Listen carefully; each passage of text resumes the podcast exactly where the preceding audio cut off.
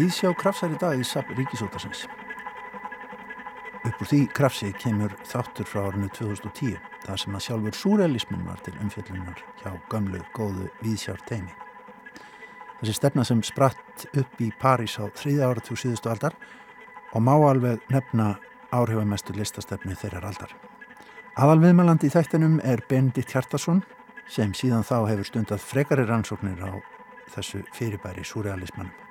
Hann var um þetta leiti að leggja lokahönda á doktorsrýtgerðum stefnuyflýsingar sem bókmyndagrein. Við heyrum líka brotur viðtölum við Sjón og Jóhamar úr þáttum Jóns Karls Helgasonar og Haldur og Fríðansdóttur um Medúsóhoppin sem gerður voru árið 1995. Salvator Dali ræðir um yfirverðarskeggi sitt og ymslar fleira. Og svo grípum við niður í stefnuyflýsingar súrealistana í þýðingu Bendits Hjartarssonar úr bókinni Yfirlýsingar Evráskrar framústefnu. Tónlistin er úr ýmsum áttum, nefnum á Oliver Messiaen, John Adams, Edgar Varese, Björg Guðmundsdóttur, Jónas Sen, Borgar Magnason, Erna Ómarsdóttur og Aurelie Charnot. Þetta er sem sagt surrealismin eins og við sjá bara fram 2010. Njóti vel.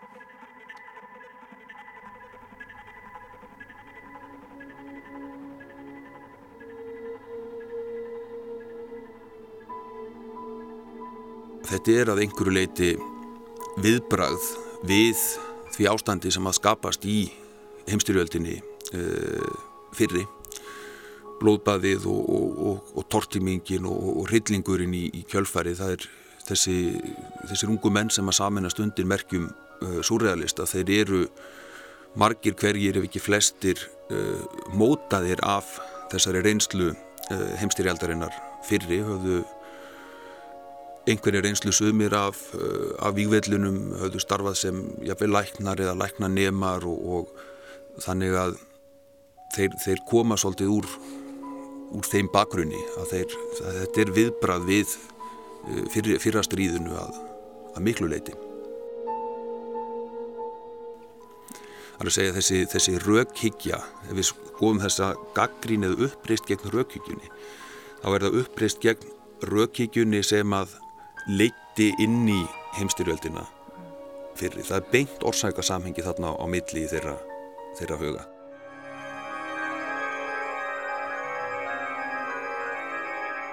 Þetta er svo surrealist og ég er engin, engin sérfræðingur í, í surrealisma. Að halda ræður. Láta skrá sig daginn fyrir kostningar í fyrsta landinu sem viðkennir málflutning af þessu tægi. Allir hafa í sér það sem þarf til að verða ræðumæður marglitar mittiskýlur og orðaglingur. Fyrir tilstilli súrealismans mun hann koma ófrjóðu vonleysinu í opna skjöldu. Ekkert kvöldið mun hann stíga í pontu og búta niður eilífan heiminin. Þann bjarnar ham af eigin ramleik. Hann mun gefa svo gríðarleg lofórð að minnstu emdir hans myndu valda stökustu vonbreiðum. Að kröfu heillar þjóðar lætur hann efna til háðulegra aukakostninga. Hann mun láta svörnustu fjandmenn saminast í dulinni þrá sem sprengja mun föðurlöndin í loft upp. En þetta tekstunum með því einu að láta sig hrífast með því feiknarlega orði sem vorkunarsemin bræðir en hatrið ber um óra vegu. Ófærum að finna til vannmáttakendar mun hann fara flaugjelsmjúkum höndum um vannmáttin í öllum hans myndum. Hann mun ná kostningu í raun og veru og hérna ljúfustu konur munu fá ofsafengna ástafanum. Ég er engin, engin sérfræðingur í, í surrealisma. Þetta er svo surrealist. Þetta er svo surrealist. Það er kannski þessi opnun sem þeir eru mjög mikið að, að tala um, að, að losa mannin úr fjötrum eins og þeim verður mjög mikið talað um. Þá gildir einu hvort að verða að tala um einhvers konar þjóðfélagslega fjötra, stjettskiptingu Eh, eða slíkt eða hvort það verða að tala um beinlinis bara fjötra á, á hugsunina og, og ímyndunarafli. Það er mjög ríkjandi þessi hugmynd að maðurinn er að einhverju leiti fangin. Hann er fangin í, í, í neti e, þjóðfélagsgerðarinnar og hann er fangin í, í neti raukhugsunar gefina skilgreininga og það er þetta sem, að, sem maðurinn þarf að, að slíta af sér og það er í gegnum ímyndunaraflið þessi aðgreining til að mynda á milli veruleikans og, og, og drauma eða veruleikans og, og, dölvitundarinnar, vitundar og dölvitundar. Það sem að súrealistarnir sjá fyrir sér sem mjög mikilvægan þátt er einmitt að kannski afnema uh, þessi mörg sem er ekki, ekki sjálfgefin, sem að þýðir það að það er ákveðið svið í, í okkar reynsluheimi og í okkar vitund sem að er á einhvern hátt stúkað af. Og það er ekki hluti af í raun og veru hinnu hverstagslega lífi. Þannig að surrealismin hann snýstu þetta líka mjög mikið um, um þetta að gera hið fagurfræðilega og hið listræna að virkum þætti í, í hverstagslífinu og það má þetta sjá að segja kannski að þar sé ákveðnar alþýðlegar áherslur í ákveðnum skilningi. Þetta er að fara með listina út á göttuna, út í hið ofinbera rými að vera ekki bara uh, listrætni því þegar þú sest niður og, og hérna, skrifar bók eða þegar þú málar málverk heldur er listin og þetta fagurfræðilega viðþór surrealismans það byrtist í raunin í öllum lífsháttum í því hvað þú gerir, hvernig þú hagar þér hvernig þú reyfir þig uh, bara í öllum þínu atferðli uh, innan borgarinnar og borgin eru auðvitað mjög mikilvægi þessu uh, samhengi að, að surrealismin eru auðvitað stórborgar. Reyfing mjög nátt tengt því svona nútímalega rýmið sem að, sem að tengi stórborginu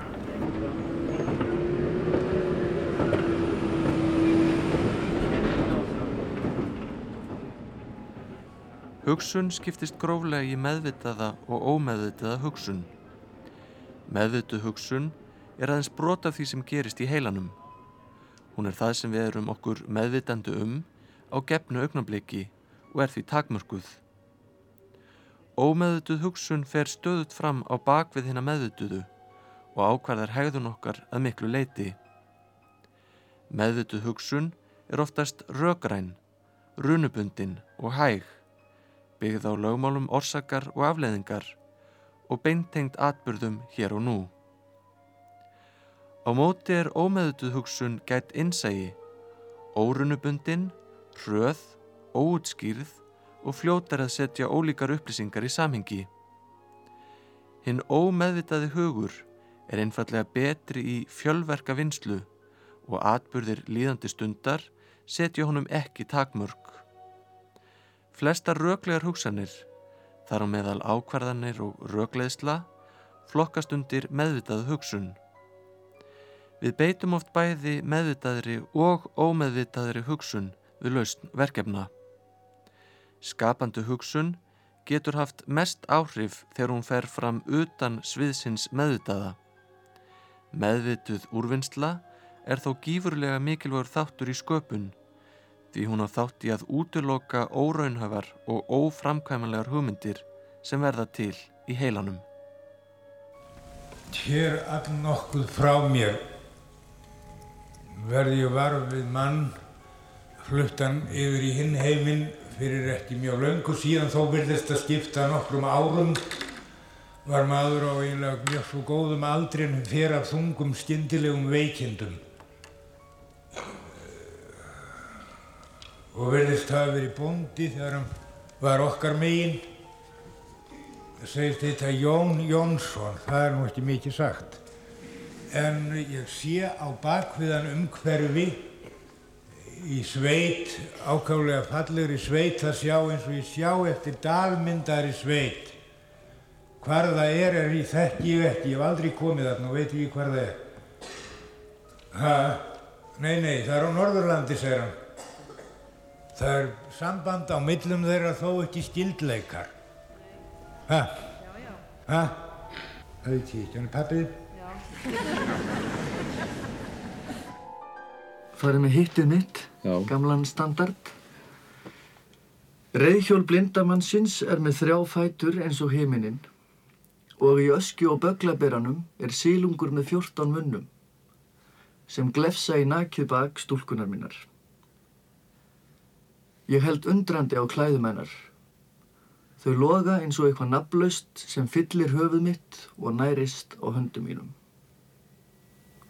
Ef við lítum á eins og samhengi hérna heima þá er það raunin ekki fyrir en eftir setnastríð sem að við sjáum einhverjar viðtökur uh, að ráði verða á surrealismannum. að menn fara að virkilega fást við þessa reyfingu og það má segja viðra samhengi líka að, að það er á þessum tíma sem að menn fara að kannski uppgötva svolítið surrealisman, hann fyrir að verða hluti af ákveðinu hefðarveldi kannski fyrst og fremst eftir setna stríð uh, á sér stað þessi svona kanonisering sem við getum uh, talað um. Og uh, það má auðvitað sjá sjá það alveg liggja inn í okkar samtíma. Það er sókt í og það er unni með þennan arf á mjög mismunandi háttvísulega, það er verið að sækja til surrealistana á mjög ólíkan ólíkan hátt, það er ekki allir sem er að sækja þessa fagurfræði sem að myndu kannski samsama sig ákveðnum pólitískum viðþórun til að mynda surrealistan eða annað eða þessum svona þjóðfélagslega vingli í því sem að þeir voru að gera en það eru auðvitað sókt í þennan brunn og þetta er svona ein af áhrifamestu reyfingum 20. aldarinnar held ég að það sé tvímanalögst óhætt að segja.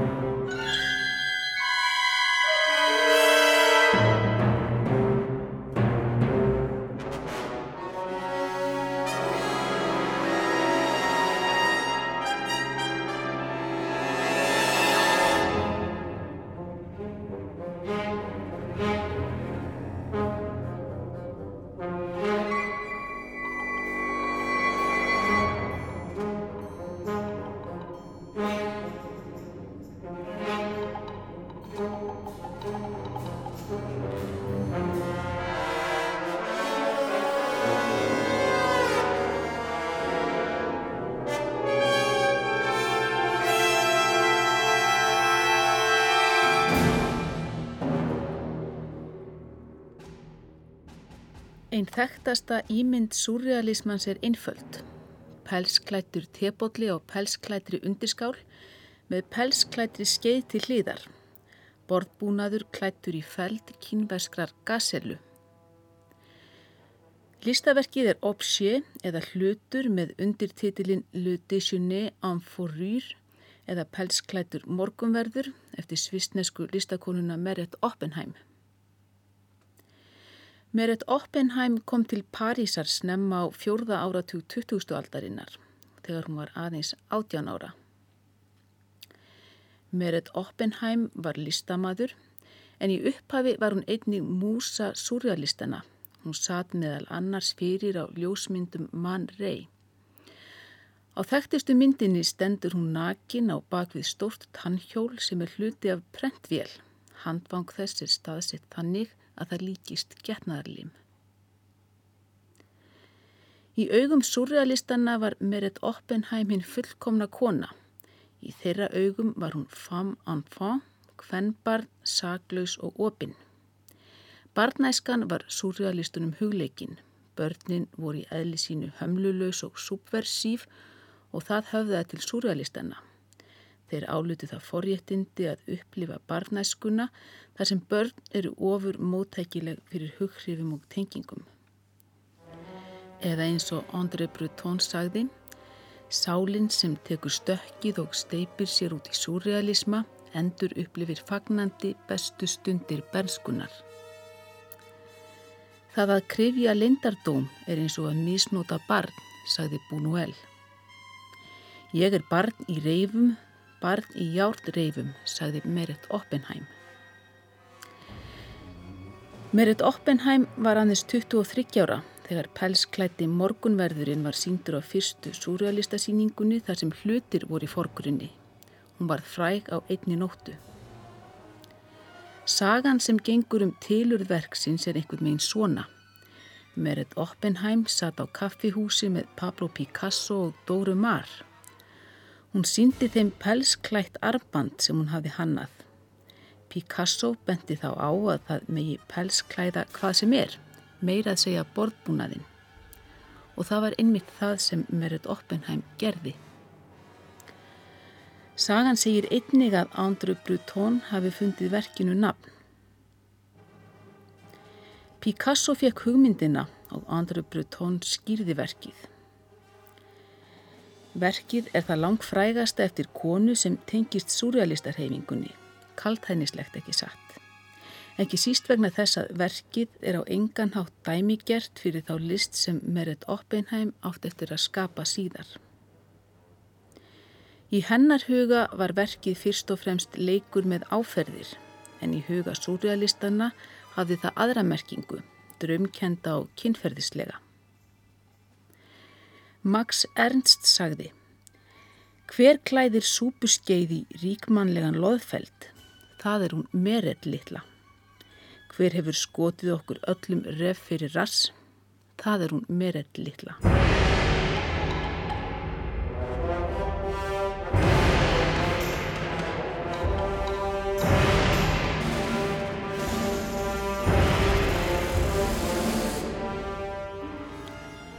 MoMA, nútímalistasafnið í New York, keifti verkið nær samstundis og þar með var arfleið Merit Oppenheim ákveðin fyrirfram. Hún var surrealisti. En hún átti í erfiðleikum með að höndla þennan merkimiða og skindilega fræðina. Við tók 17 ára tímabil þar sem hún glimti við þunglindi og aðgerðalessi. Sjálf kallaði hún þetta tímabil krepputímabilið. Á þessu tímabili málaði hún myndir sem lutu út eins og verksúrjalistana en eftir á að higgja að minnstakosti var intakið allt annað. Kvenlíkamin er bátur en árarnar eru brotnar. Sofandi kona gerð úr steinum laugar fætur sína í áni. Mörgum árum eftir krepputímabilið hjælt Merit Oppenheim því fram að ekki sé hægt að tala um list sem annað hvort karlega eða kvenlega. Hún varaði konur við því að búa til verk sem aðeins höfða til kvenna og hvati karla til að finna hitt kvenlega innra með sér. Sköpunin kemst á hærra plan ef hitt karlega og kvenlega er saminað. Þetta lærði Merit Oppenheim eflaust af viðtökum og afskiptum surrealistanna og þaðan kemur líklegast líka frægasta setning hennar sem oft er vitnað til Engin gefur þér frelsi, þú verður að taka það.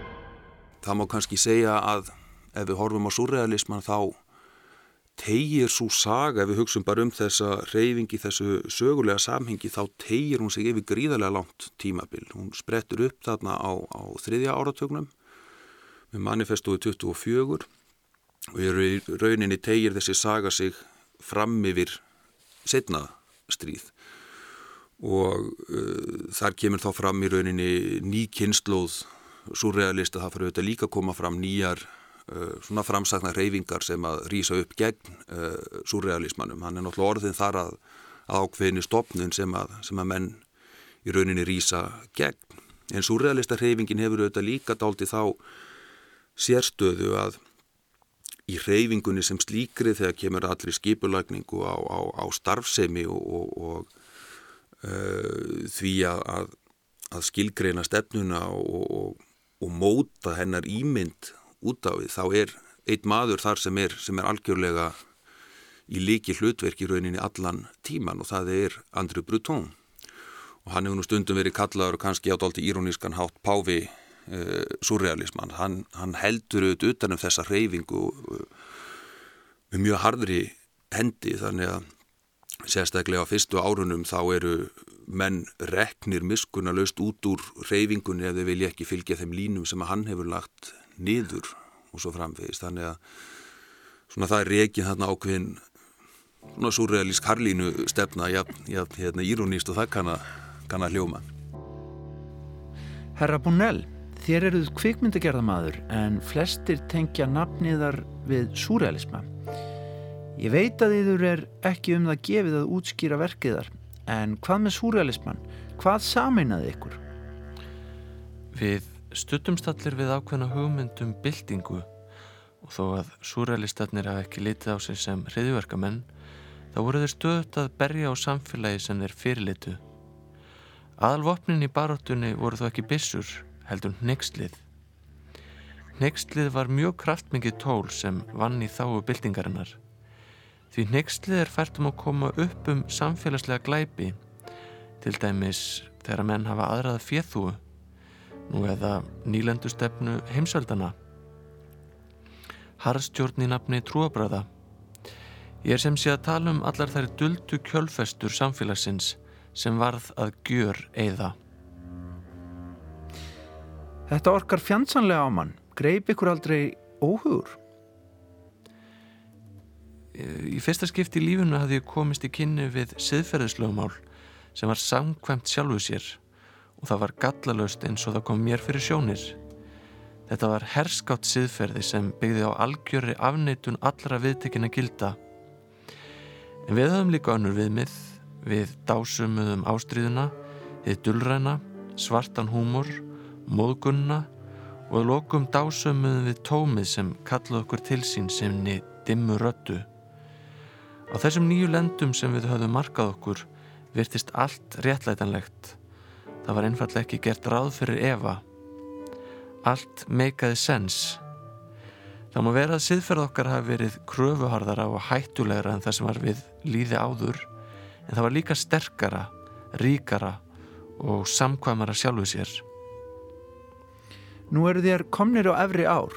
Er þér hættir að nextla og reyfa við samferðamönnum yðar? Eftir því sem loka andvarpið færist nær, þá ger ég mér oft í hugulund síðasta rekkin Ég mun kalla vini mína saman við dánarbyðin en þeir eru allir yfirlistir guðleysingar eins og ég. Síðan kemur prestur sem ég hef kallað til og það fyllir vini mína viðbjóði. Ég gerir hjáttningar mínar, byðum fyrirgefningu synda minna og fæ að hinsta sakramenti. Eftir þetta leggst ég á hliðina og líð út af. En þá eftir að koma í ljós hvort ég hef orku til að rekja á minni hinstu stund. Nú, tíminn líður. Hafið þið eitthvað uh, bóðskap til þjóðarinnar, uh, Jóhammard? Ég veit það nú ekki.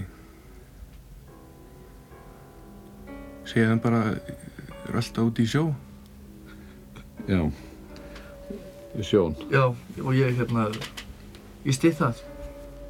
Er alltaf út í sjó.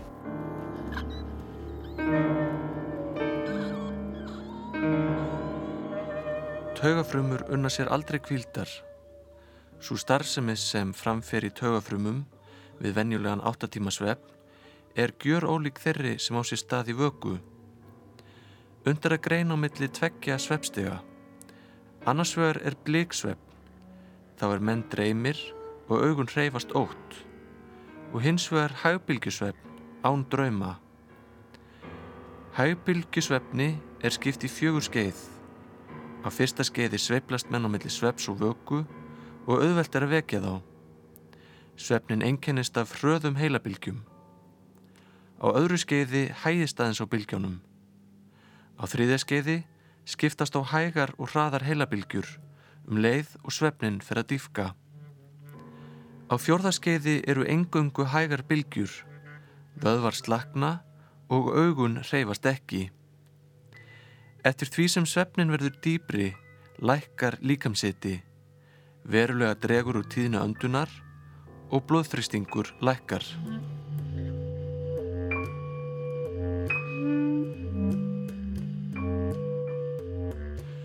Úr stefnu yfirlýsingu surrealismans. Það var fullkomlega með réttu sem Freud beindi greiningu sinni að draumnum. Það er í raun algjörlega ótækt að þessum veigamikla þætti í starfsemi sálarinnar hafi verið veitt svo takmörkuð aðtegli fram að þessu. Því hugsunin sínir okkur, feril mannsinn sem óslitinn þráð, að minnstakosti frá fæðingu hans til dauða, frá sjónarhóli tímans er samanlegur tími drauma okkar, jafnveg þótt aðeins ég teki tillit til hins reyna draums svepsins, ekki fyrirferðaminni en samanlæður tími raunveruleikans eða nánar tiltekið tími vökunar.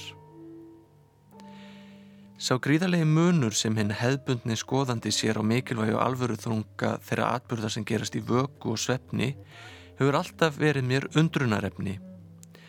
Því um leið og maðurinn vaknar er hann fyrst og fremst leiksoppur minnisins sem nýtur þess að bregða upp fyrir honum döfuri mynd af aðstæðum drömsins í þessu eðlulega ástandi. Um leið og það útólokar allar afleðing, þetta er samt svo flóki, kannski er þetta bara leðinlegt að hlusta á þetta sko. Ég klára þetta, býtu, klára þetta.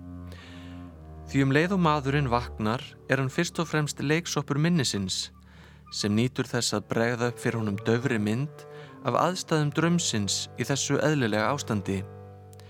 Um leið og það útlokkar allar afleðingar hans í raunveruleikanum og gerir einn eina og sanna úrslita þátt burtrækan af þeim stað þar sem hann telur sig hafa skili við hann nokkrum klukkustundum fyrr.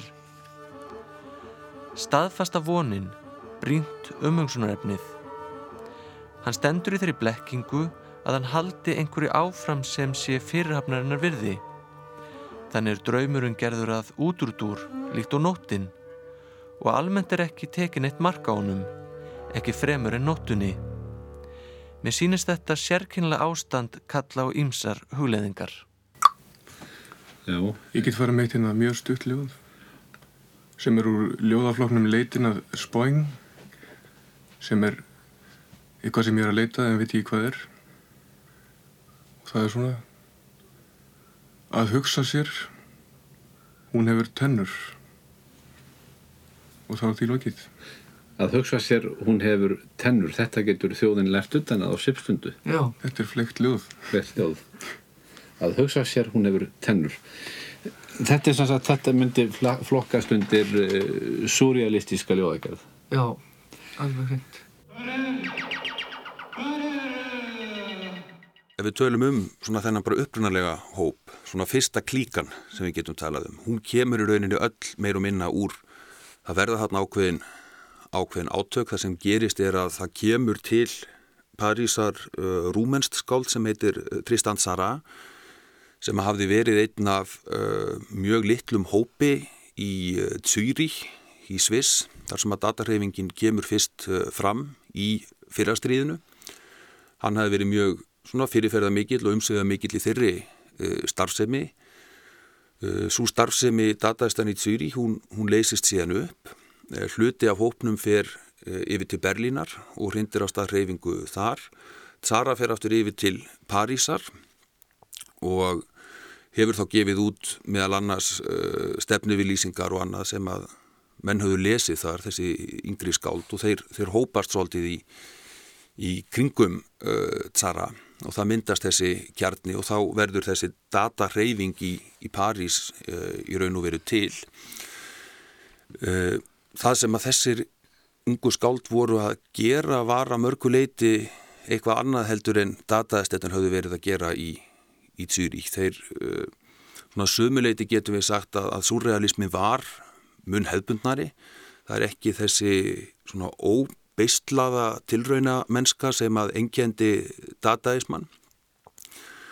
Uh, bæði í Zürich og, og, og líka svona á þessum fyrstu árum þennan, þennan hóp sem kemur þar utanfrá og sérstaklega að Sara það sem að kannski veldur þessum skilum er náttúrulega bara átt af ítök og, og völd að, að uh, svona sumum fannst vera Sara standa fyrir ákveðið ofríki sem þeir vildi ekki beigja sig undir og, og Brutón vildi fara dálítið aðrar leiðir, húnum fannst dataðisminn kannski vera með ofsterkar áherslur á upplausn og sundrung og, og andstæður og þverstaður þessi leikur með þversagnir uh, sem að enginn er allan dataðismennum að skoðar uh, sérstaklega kannski tekstat Sara þá er þessi leikur með uh, með andstæður að, að fullir það eitt og draga það tilbaka á sama tíma. Þannig að uh, í rauninu það leysist allt upp í einhvers konar merkingar leysi, þetta er mjög stert enginni á, á, á dataismunum að einhverju leitum að sjá það sem viðbrað kannski við fyrirheimstyrjöldinni En þetta sjá menn eins og Brutón og kannski sérstaklega Brutón, hann, hann sér ekki leiðina til að, til að halda utanum einhvers konar reyfingu sem að nái sterkum ítökum í menningarlífinu með aðferðum eins og þessum. Það þarf miklu skýrar í línu og það þarf skýrar í pólitík og það þarf að setja einhverja ákveðna stefnu sem er fyllt. Mm. Þannig að þarna kannski skilur svolítið leiðir og það er svona þessi andlega frelsun sem að uh, andlega bylting sem að er kannski þetta svona stóra markmið uh, surrealistana mm. og þá er, er, er stemt að því með mjög skipulegum hætti. Could you define the word paranoiac? Could you define it in more detail? Uh, is one, uh, the name is uh, paranoiac critical method because it's one spontaneous method of knowledge based in the instantaneous association of delirious material. Surrealista sitja og spjalla meðan í fjarskanum standa yfir bardagar. Ég veit ekki hvort þetta er einfallega surrealist eða postmodernist en maður hljómar svo fræðilega maður notast líka orð. Byrjun sem meikar ekki sens færist svo út í mikinn súrleika gullt, blátt, raukt og allar mögulegar samplöndur þessir þrýr litir þó svo að kvítur sé ráðandi Markið vilja meina að lífið sé svart Samblanda ferðalagi Mario og Jósefs til Bethlehem Natural Born Killers Fear and Loathing in Las Vegas Bertolt Brecht og Samuel Beckett. segir mann auðvitað að þarna sé heldur betur um að ræða surrealist og erðamöld Já hérna, enn á nýja deiltum gjörninga Hrafn Gunnlaugssonar í laugan Surrealist að vinna með surrealist að poppa upp landið í surrealistkun stíl. Og maður bara skilur ekki hvers vegna sumi kunna ekki að meta einhver staðar á netinu. Varandi surrealíska hluti þá finnst mér allur dagurinn 9-11 hafa verið all hrikalega surrealískur Heilin skiptist í tvö kvel sem í manninum og líkt dýrum gegna allsendis ólíku hlutverki í hugsun. Rannsóknir hafa beint aðtiklinni að starfarænum munmilli heilakvela. Í flestu mönnum er sérsvið vinstra heilakvels tungumál og það hægra fæst við rýmisupplýsingar.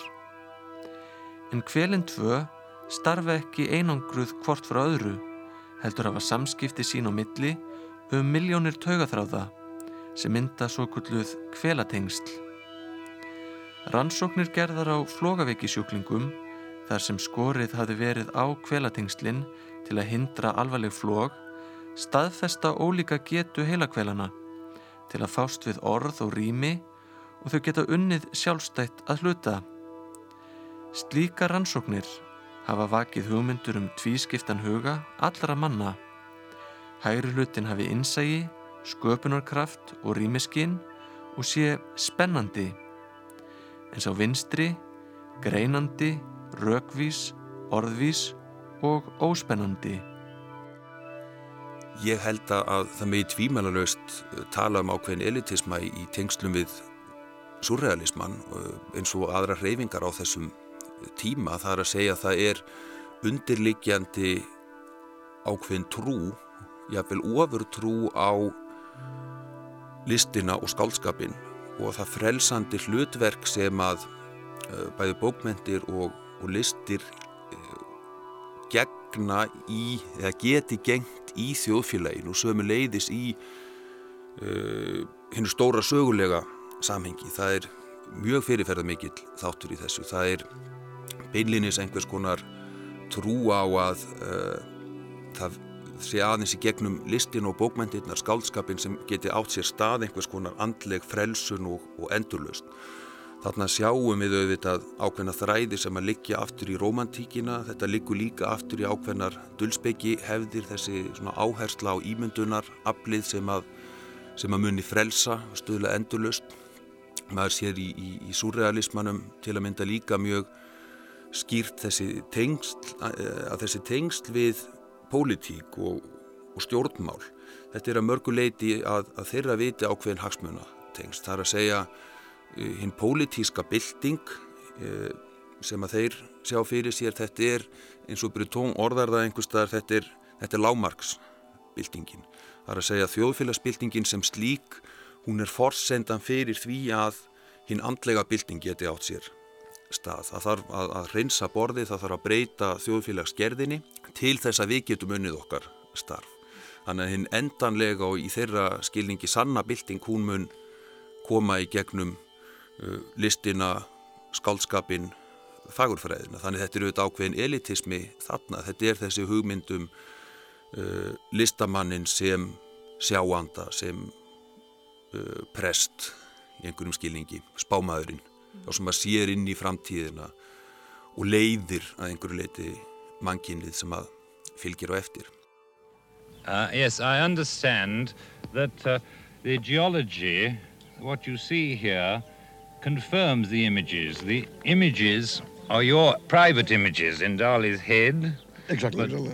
Painted out, they correspond to a reality. Exactly, because my delirium is injected and sublimate in these rocks and in this geology.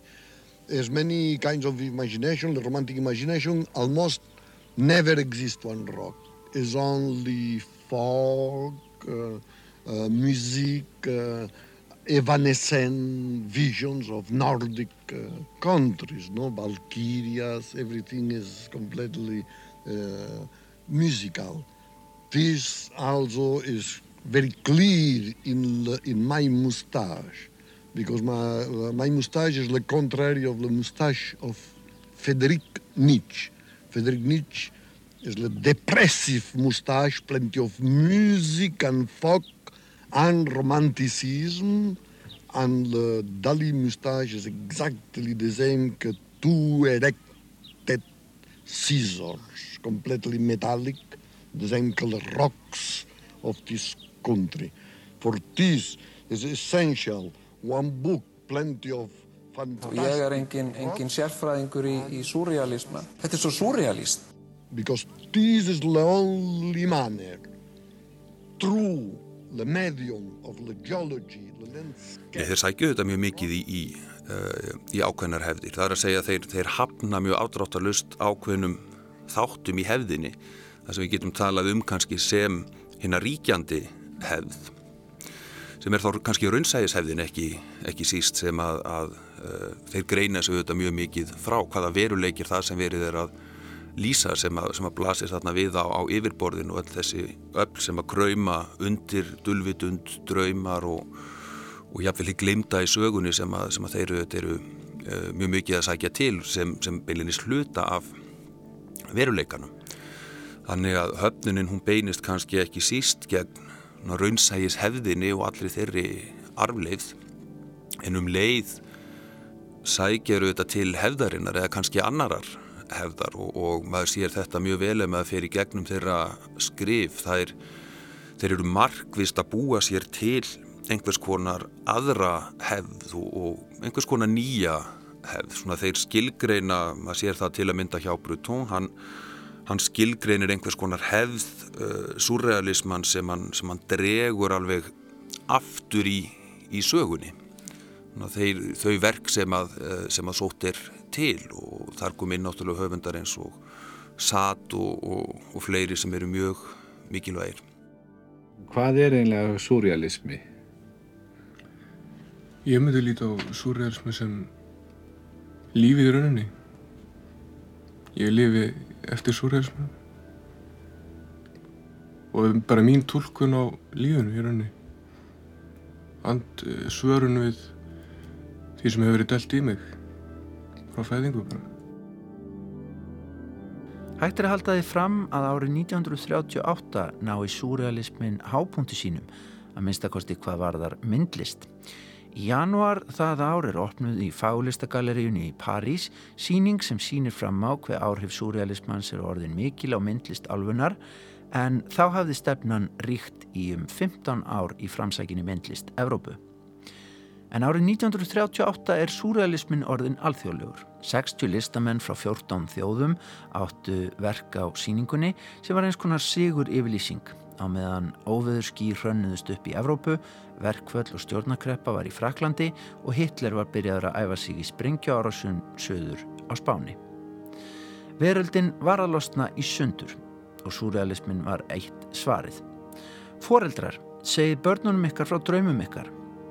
Þetta var eitt af slagorðum súrealistana og það að ganga inn í fagulistagalerið í París í janúar 1938 var ekki ólíkt því að ganga inn í myrkan draum. Í engangi galerísins tók rigningarlegubill Salvador Dali á móti gestinum. Gamal legubill skreittur blómum og vínviði, bílstjóri og farþegi voru gínur. Bílstjórin í framsætinu með hákalshöfuð og dökk solgleru með tegju. Farþegin kvenkins og nokkuð illa til höfð, þakin lifandi sniglum. Káli dreift á hana og í kringum hana líka til að viðhalda sniglunum.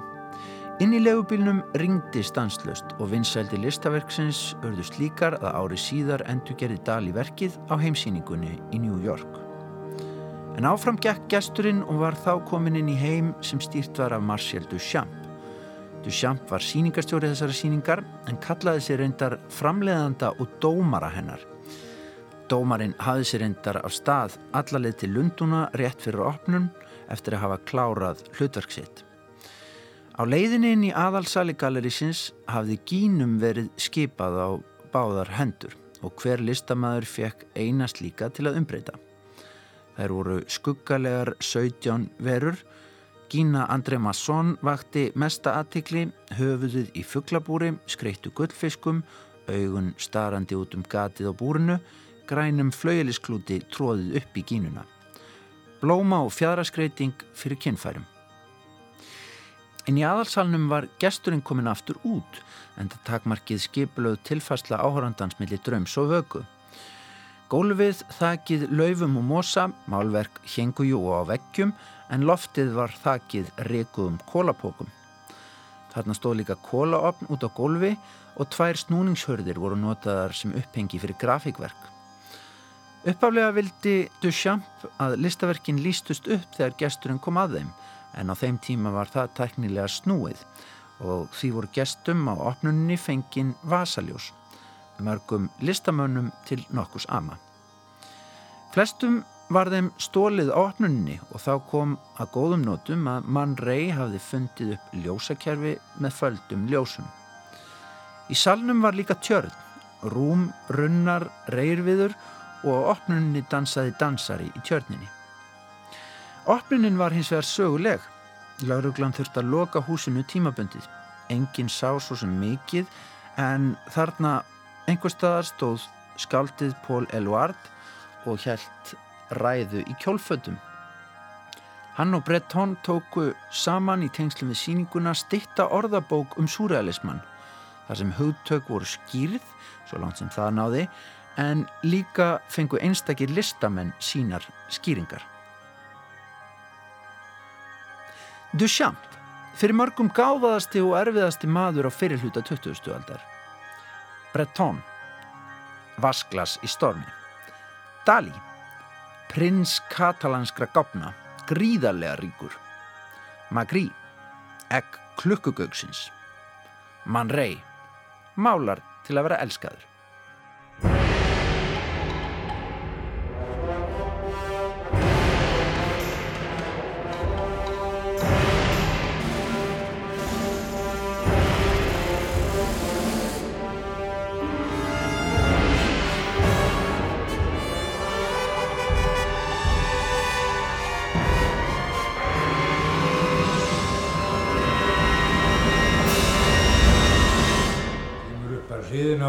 Þarna fullorðin maður virðist að hafa verið mikill kunningjans eða vinur, segist heita Björn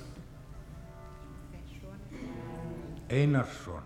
Að koma í veg fyrir að manni leiðist í félagskap annara Þetta er mjög erfitt. Þið skulle ekki vera á staðnum fyrir nokkurt mann og stundum þegar enginn hefur rauðst inn á ykkur skulle þið stöðva sjálfa ykkur af í miðjum klíðum þessarar súrealísku yðju, krossleggja hendur og segja skiptir engum, sennilega er margt þarfara að gera eða gera ekki. Áhugin og lífinu er óverjandi. Í reynskilin sagt, það sem á sér stað innra með mér veldur mér ennþá ónótum eða einhverja álíka óþúlandi tökku. Þau eru ákvæmlega ánægð og einnig maður ekkert löngu farin er hvert þetta Guð, Guð mann. Að skrifa falskar skáldsögur. Hverjir sem þið eruð skulu þið fylgja kalli hjarta ykkar, brenna nokkur lárviðarlauf og byrja á að skrifa skáldsögu. Á þess að reyna að halda lífi í þessum lítilfjörlugu lofum. Súrealismin mun gera ykkur þetta kleift. Þið þurfið ekki annað en að færa vísin frá langvarandi góðviðri yfir á reyfingu og allt er klappað og klárt. Hérna byrtast nokkrar personur hardla ólíkar að yfirbræði. Þið þurfið ekki að skrifa annað en upphafstafina í nöfnum þeirra og þær munu gefa sig jafn vel að sögunum í germynd og óakveðna fornafni það gefur sig á orðum eins og rignir, er, verður að og svo framvegs. Þær munu stýra þeim, svo að segja, og þar sem aðtiklisgáfa ykkar, högleðingar og álíktunar hæfni hætta að gagnast ykkur, getið þið reykt ykkur á að þær munu sjá ykkur fyrir þúsund fyrirætlunum sem þið aldrei höfð. Þannig munu þessar verur sem getur eru örfáum líkamlegum og siðferðilegum eiginleikum og sækja í raun svo sára lítið til ykkar sjálfra ekki vikja í neinu tilviki frá ákvönnu hegðunarminstri sem þið þurfið ekki að hafa frekari áhyggjur af. Af þessum mun spretta flétta sem virðist meira og minna úthugsuð á yfirborðinu og mun styrkja þá hrífandi eða sefandi laust sem þið skeitið engu um, lið fyrir lið. Hinn falska skáltsaga ykkar mun líka eftir alvaru skáltsugu með undraverðum árangri. Þið verðir ríkir og allir verða sammála um að þið hafið sannlega bein í nefinu. Því það er ekki síst þar sem allt þetta heldur sig. Að sjálfsögðu getið líka beitt slíkri aðferð til að helga ykkur falskri gaggríni með góðum árangri að því tilskildu að þið hafið enga þekkingur á viðfangsefninu. Hæ? Eru fleiri með rakalöfi? Na, gísli. Já. Súrealismin verður hluti af, af hefðinni. Hann verður eh, að sömuleiti líka hluti kannski af þeirri hefð sem hann rýs gegn. Það er að segja hann rýs gegn á sínum tíma ákveðinu borgarlegri fagurfræði og borgarlegri listhefð sem hann eh, sér. Það er svona listin sem er lókuð inn á söpnunum og hafin á, á, á stall og svo framvegis. Uh, það má sumuleiti segja að hann er, hann er innlimaður í þessa svokvöldu borgarlegu list stopnun. Hann verður hluti af í raun og veru þessari, þessari hefð. Þannig að pólitísk rótækni, þjóðfélagslega rótækni sem fælst í, í súrealismanu, hún er kannski ekki alltaf svo sínileg þegar menn eru að sækja í hann.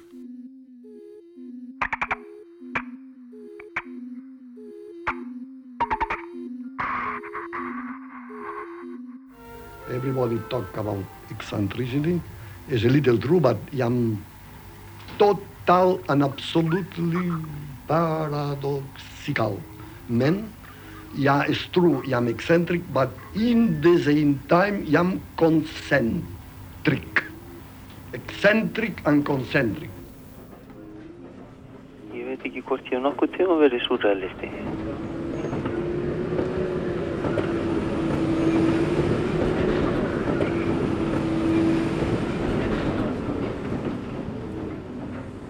Ég held nú frekar að ég hef aldrei verið súræðlisti. Það liggur auðvitað í, í, í kannski eðli e, súrealismans og, og reyfinga þessu tægi að hún setur sér það beinlinis að, að skipta mönnum í flokka polarisera. Þannig að það verða vissulega mjög harkaleg viðbröð á, á þeim tíma og, og uh, þeir lenda náttúrulega í fjölmörgum líka rittdeilum og, og, átökum uh, meðal annars líka við uh, svona hreyfingarnar sem að koma undan ekki síst náttúrulega við dataismann sem þeir spretta beint upp úr og þar verður þetta mjög mikil átök og jáfnvel handalögmál að, að einhverju leiti. Hérna er auðvitað verið að berjast um ákveðin ítök í, í ákveðinum uh, menningar hópum og svæðum kannski innan í París á, á þessum tíma ef við tölum um surrealista reyfingun hún er auðvitað ekki sko, afmörku bara við París. Þegar, þegar hún svona fer að breyðast út og stækka þá koma líka upp mjög öfluga reyfingar til að mynda í Rómönsku, Ameríku Spáni Tjekkoslovakíu líka kemur þarna reyfing sem, og þetta eru þá reyfingar sem að nokkru leitir í mjög nánum tengslum við reyfinguna í, í París. Og listamenn náttúrulega líka frá, frá Norðurlöndum og, og annar staða frá Já, það er kannski í súræðalismannum eins eins og öðrum hreyfingum á þessum tíma sem hefur komið framdáldi fyrr, það er auðvitað mjög mikil áhersla á, á þetta að vera sínilegur á opimberum vettvangi og í því sem við getum þá kallað almanna rými.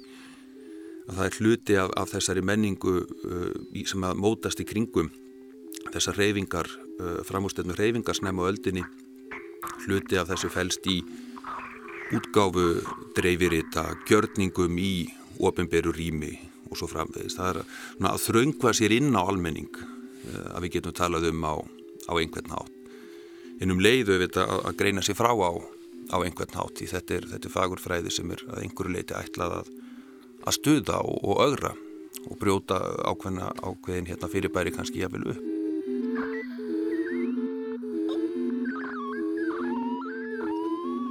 Nú, tíminn líður. Hafið þið eitthvað bóðskap til þjóðarinnar, Jóhammar? Ég veit það nú ekki. Þeim bara, er alltaf út í sjó. Já, sjón. Já, og ég hérna, ég stið það. Það er alltaf út í sjó.